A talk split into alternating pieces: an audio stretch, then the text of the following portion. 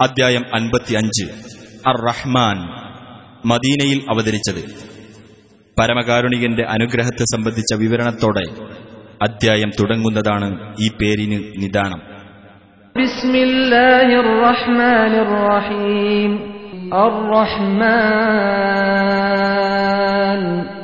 പരമകാരുണികൻ. അല്ലമൽ ഖുർആൻ ഈ ഖുർആൻ പഠിപ്പിച്ചു.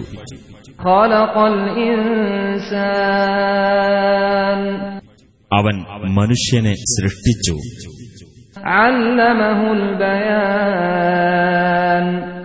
അവനെ അവൻ സംസാരിക്കാൻ പഠിപ്പിച്ചു.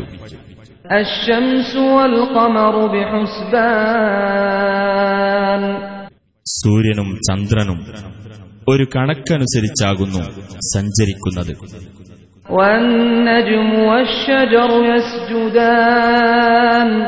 ചെടികളും വൃക്ഷങ്ങളും അള്ളാഹുവിന് പ്രണാമം അർപ്പിച്ചുകൊണ്ടിരിക്കുന്നു.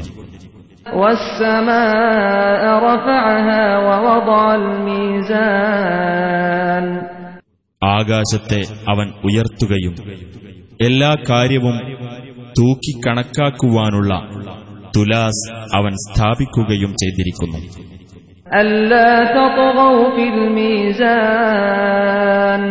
നിങ്ങൾ തുലാസിൽ ക്രമക്കേട് വരുത്താതിരിക്കുവാൻ വേണ്ടിയാണത്.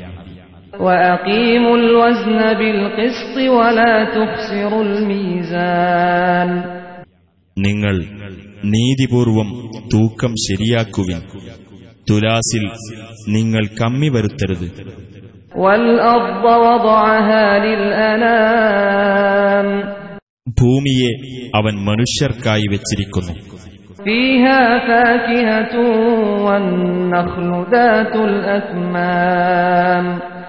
അതിൽ പഴങ്ങളും കൂമ്പോളകളുള്ള ഈന്തപ്പനകളുമുണ്ട്.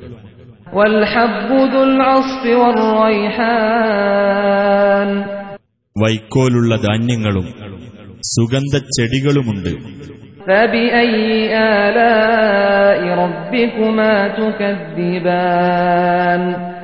അപ്പോൾ നിങ്ങൾ ഇരുവിഭാഗത്തിന്റെയും രക്ഷിതാവ് ചെയ്ത അനുഗ്രഹങ്ങളിൽ ഏതൊന്നിനെയാണ് നിങ്ങൾ നിഷേധിക്കുന്നത് خلق الإنسان من صلصال كالفخار കലം പോലെ മുട്ടിയാൽ മുഴക്കമുണ്ടാകുന്ന ഉണങ്ങിയ കളിമണ്ണിൽ നിന്ന് മനുഷ്യനെ അവൻ സൃഷ്ടിച്ചു.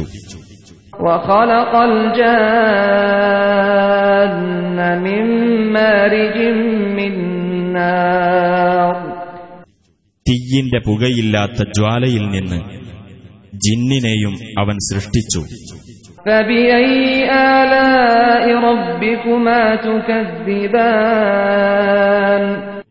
അപ്പോൾ നിങ്ങൾ ഇരുവിഭാഗത്തിന്റെയും രക്ഷിതാവ് ചെയ്ത അനുഗ്രഹങ്ങളിൽ ഏതൊന്നിനെയാണ് നിങ്ങൾ നിഷേധിക്കുന്നത്?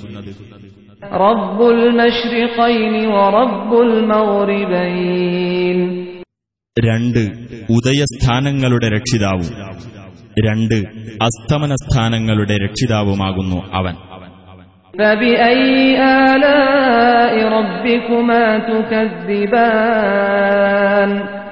അപ്പോൾ നിങ്ങൾ ഇരുവിഭാഗത്തിന്റെയും രക്ഷിതാവ് ചെയ്ത അനുഗ്രഹങ്ങളിൽ ഏതൊന്നിനെയാണ് നിങ്ങൾ നിഷേധിക്കുന്നത്?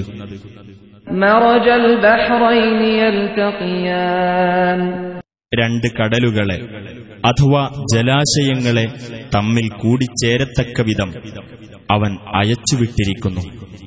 ബൈനഹുമാ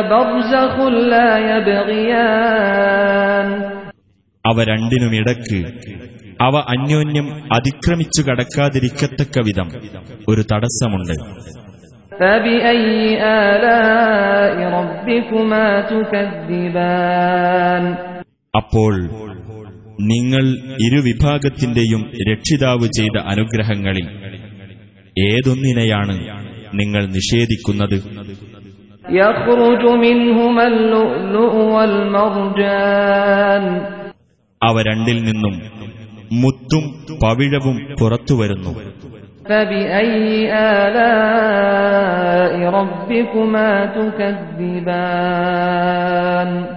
അപ്പോൾ നിങ്ങൾ ഇരുവിഭാഗത്തിന്റെയും രക്ഷിതാവ് ചെയ്ത അനുഗ്രഹങ്ങളിൽ ഏതൊന്നിനെയാണ് നിങ്ങൾ നിഷേധിക്കുന്നത്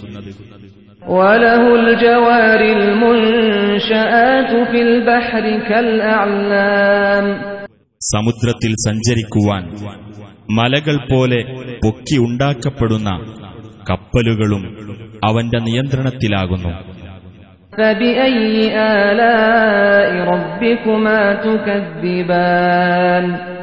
അപ്പോൾ നിങ്ങൾ ഇരുവിഭാഗത്തിന്റെയും രക്ഷിതാവ് ചെയ്ത അനുഗ്രഹങ്ങളിൽ ഏതൊന്നിനെയാണ് നിങ്ങൾ നിഷേധിക്കുന്നത്?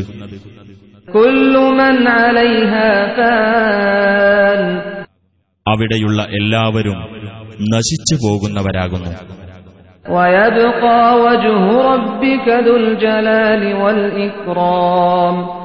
മഹത്വവും ഉദാരതയും ഉള്ളവനായ നിന്റെ രക്ഷിതാവിന്റെ മുഖം അവശേഷിക്കുന്നതാണ്.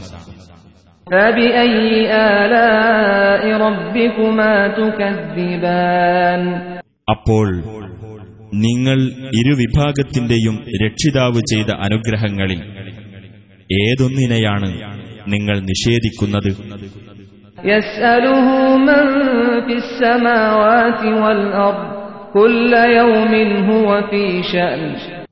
ആകാശങ്ങളിലും ഭൂമിയിലും ഉള്ളവർ അവനോട് ചോദിച്ചുകൊണ്ടിരിക്കുന്നു. എല്ലാ ദിവസവും അവൻ കാര്യനിർവഹണത്തിലാകുന്നു.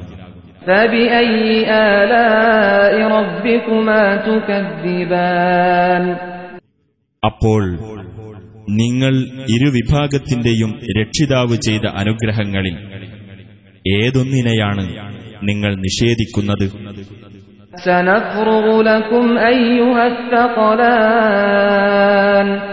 ഹേ ഭാരിച്ച രണ്ട് സമൂഹങ്ങളെ നിങ്ങളുടെ കാര്യത്തിനായി നാം ഒഴിഞ്ഞിരിക്കുന്നതാണ്.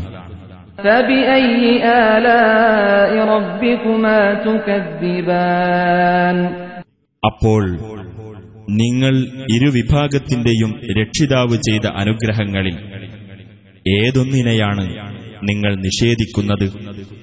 يا معشر الجن والإنس إن استطعتم أن تنفذوا من أقطار السماوات والأرض إن استطعتم أن تنفذوا من أقطار السماوات والأرض فانفذوا لا تنفذون إلا بسلطان ജിന്നുകളുടെയും മനുഷ്യരുടെയും സമൂഹമേ ആകാശങ്ങളുടെയും ഭൂമിയുടെയും മേഖലകളിൽ നിന്ന് പുറത്തു കടന്നുപോകാൻ നിങ്ങൾക്കു സാധിക്കുന്ന പക്ഷം നിങ്ങൾ കടന്നുപോയിക്കൊള്ളുക. ഒരു അധികാരം ലഭിച്ചിട്ടല്ലാതെ നിങ്ങൾ കടന്നു പോകുകയില്ല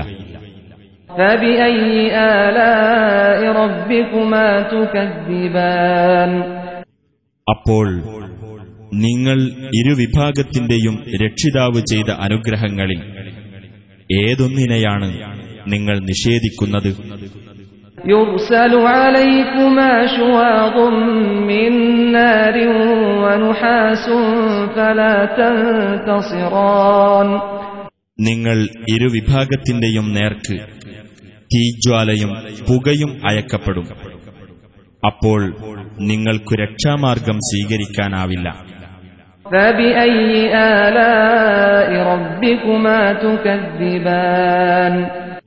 അപ്പോൾ നിങ്ങൾ ഇരുവിഭാഗത്തിന്റെയും രക്ഷിതാവ് ചെയ്ത അനുഗ്രഹങ്ങളിൽ ഏതൊന്നിനെയാണ് നിങ്ങൾ നിഷേധിക്കുന്നത് فإذا انشقت السماء فكانت وردة كالدهان എന്നാൽ ആകാശം പൊട്ടിപ്പിളരുകയും അത് കുഴമ്പുപോലുള്ളതും റോസ് നിറമുള്ളതും ആയിത്തീരുകയും ചെയ്താൽ فبأي آلاء ربكما تكذبان അപ്പോൾ നിങ്ങൾ ഇരുവിഭാഗത്തിന്റെയും രക്ഷിതാവ് ചെയ്ത അനുഗ്രഹങ്ങളിൽ ഏതൊന്നിനെയാണ് നിങ്ങൾ നിഷേധിക്കുന്നത് فيومئذ لا يسأل عن ذنبه إنس ولا جان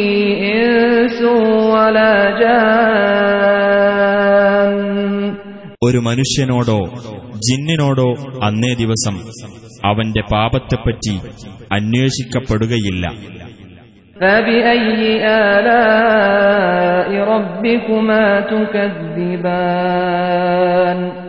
അപ്പോൾ നിങ്ങൾ ഇരുവിഭാഗത്തിന്റെയും രക്ഷിതാവ് ചെയ്ത അനുഗ്രഹങ്ങളിൽ ഏതൊന്നിനെയാണ് നിങ്ങൾ നിഷേധിക്കുന്നത് يعرف المجرمون بسيماهم فيؤخذ بالنواصي والأقدام കുറ്റവാളികൾ അവരുടെ അടയാളം കൊണ്ട് തിരിച്ചറിയപ്പെടും എന്നിട്ട് അവരുടെ കുടുമകളിലും പാദങ്ങളിലും പിടിക്കപ്പെടും فبأي آلاء ربكما تكذبان അപ്പോൾ നിങ്ങൾ ഇരുവിഭാഗത്തിന്റെയും രക്ഷിതാവ് ചെയ്ത അനുഗ്രഹങ്ങളിൽ ഏതൊന്നിനെയാണ് നിങ്ങൾ നിഷേധിക്കുന്നത്?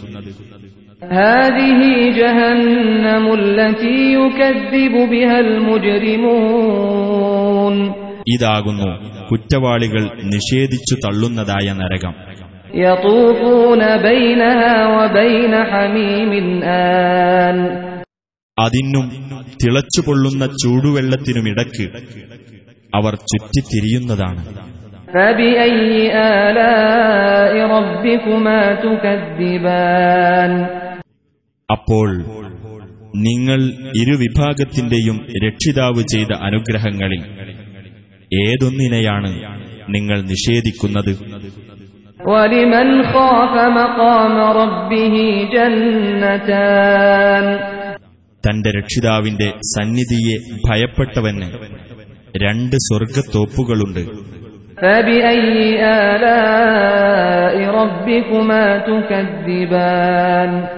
അപ്പോൾ നിങ്ങൾ ഇരുവിഭാഗത്തിന്റെയും രക്ഷിതാവ് ചെയ്ത അനുഗ്രഹങ്ങളിൽ ഏതൊന്നിനെയാണ് നിങ്ങൾ നിഷേധിക്കുന്നത്?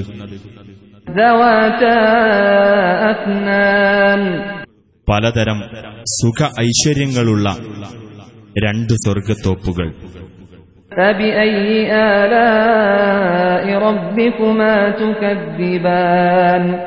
അപ്പോൾ നിങ്ങൾ ഇരുവിഭാഗത്തിന്റെയും രക്ഷിതാവ് ചെയ്ത അനുഗ്രഹങ്ങളിൽ ഏതൊന്നിനെയാണ് നിങ്ങൾ നിഷേധിക്കുന്നത്?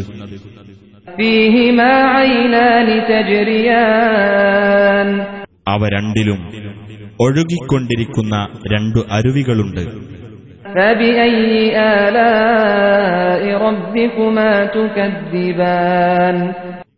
അപ്പോൾ നിങ്ങൾ ഇരുവിഭാഗത്തിന്റെയും രക്ഷിതാവ് ചെയ്ത അനുഗ്രഹങ്ങളിൽ ഏതൊന്നിനെയാണ് നിങ്ങൾ നിഷേധിക്കുന്നത്?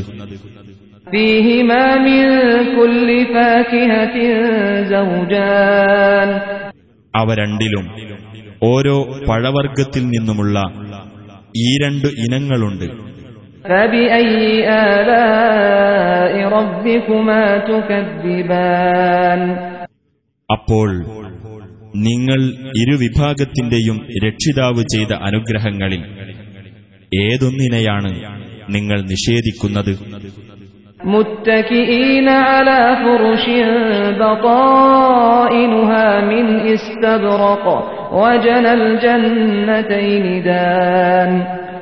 അവർ ചില മെത്തകളിൽ ചാരി ഇരിക്കുന്നവരായിരിക്കും. അവയുടെ ഉൾഭാഗങ്ങൾ കട്ടികൂടിയ പട്ടുകൊണ്ട് നിർമ്മിക്കപ്പെട്ടതാകുന്നു. ആ രണ്ട് തോപ്പുകളിലെയും കായ്കനികൾ താഴ്ന്നു നിൽക്കുകയായിരിക്കും.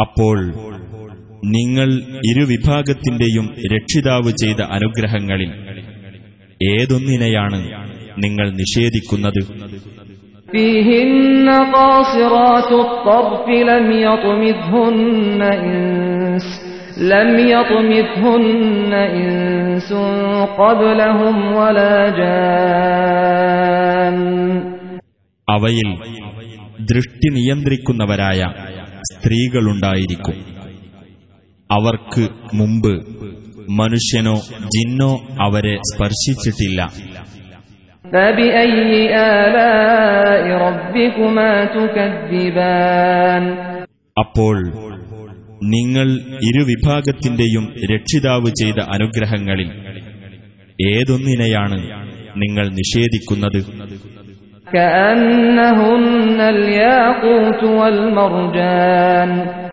അവർ മാണിക്യവും പവിഴവും പോലെയായിരിക്കും.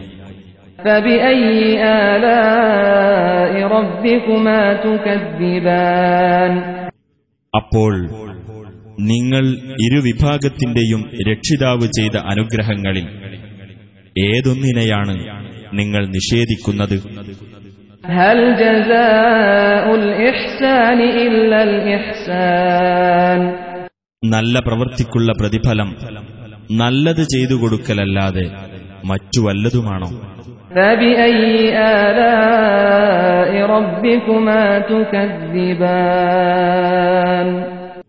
അപ്പോൾ നിങ്ങൾ ഇരുവിഭാഗത്തിന്റെയും രക്ഷിതാവ് ചെയ്ത അനുഗ്രഹങ്ങളിൽ ഏതൊന്നിനെയാണ് നിങ്ങൾ നിഷേധിക്കുന്നത്?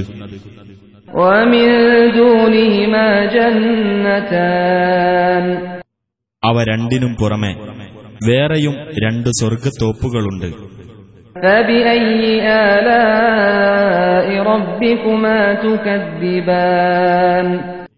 അപ്പോൾ നിങ്ങൾ ഇരുവിഭാഗത്തിന്റെയും രക്ഷിതാവ് ചെയ്ത അനുഗ്രഹങ്ങളിൽ ഏതൊന്നിനെയാണ് നിങ്ങൾ നിഷേധിക്കുന്നത്?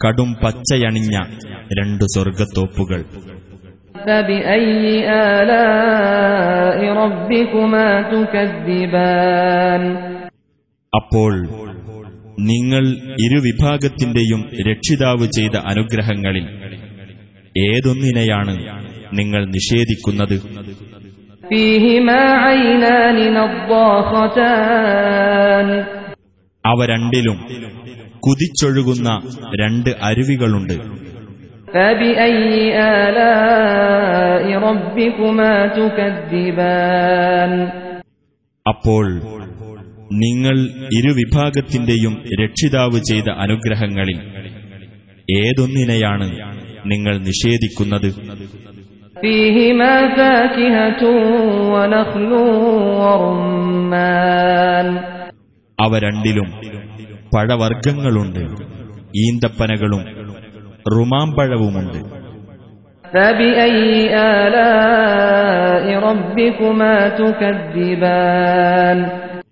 അപ്പോൾ നിങ്ങൾ ഇരുവിഭാഗത്തിന്റെയും രക്ഷിതാവ് ചെയ്ത അനുഗ്രഹങ്ങളിൽ ഏതൊന്നിനെയാണ് നിങ്ങൾ നിഷേധിക്കുന്നത്?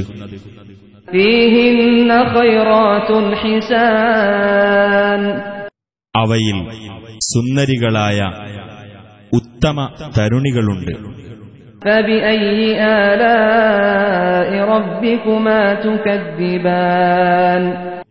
അപ്പോൾ നിങ്ങൾ ഇരുവിഭാഗത്തിന്റെയും രക്ഷിതാവ് ചെയ്ത അനുഗ്രഹങ്ങളിൽ ഏതൊന്നിനെയാണ് നിങ്ങൾ നിഷേധിക്കുന്നത്?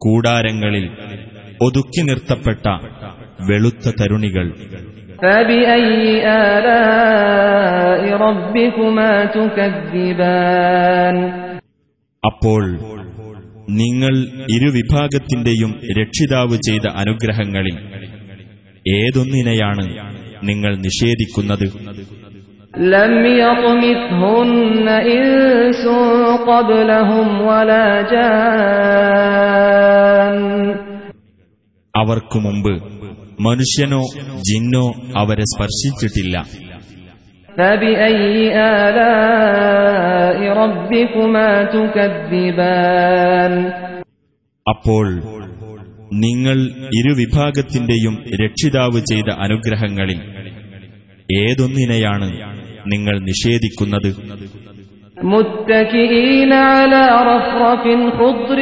وعبقري حسان പച്ച നിറമുള്ള തലയണകളിലും അഴകുള്ള പരവതാനികളിലും ചാരി കിടക്കുന്നവർ ആയിരിക്കും അവർ.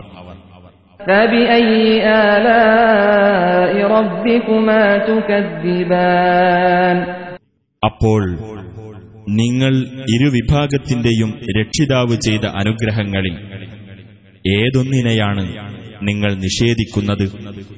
تبارك اسم ربك ذي الجلال والإكرام മഹത്വവും ഔദാര്യവും ഉള്ളവനായ നിന്റെ രക്ഷിതാവിന്റെ നാമം ഉത്കൃഷ്ടമായിരിക്കുന്നു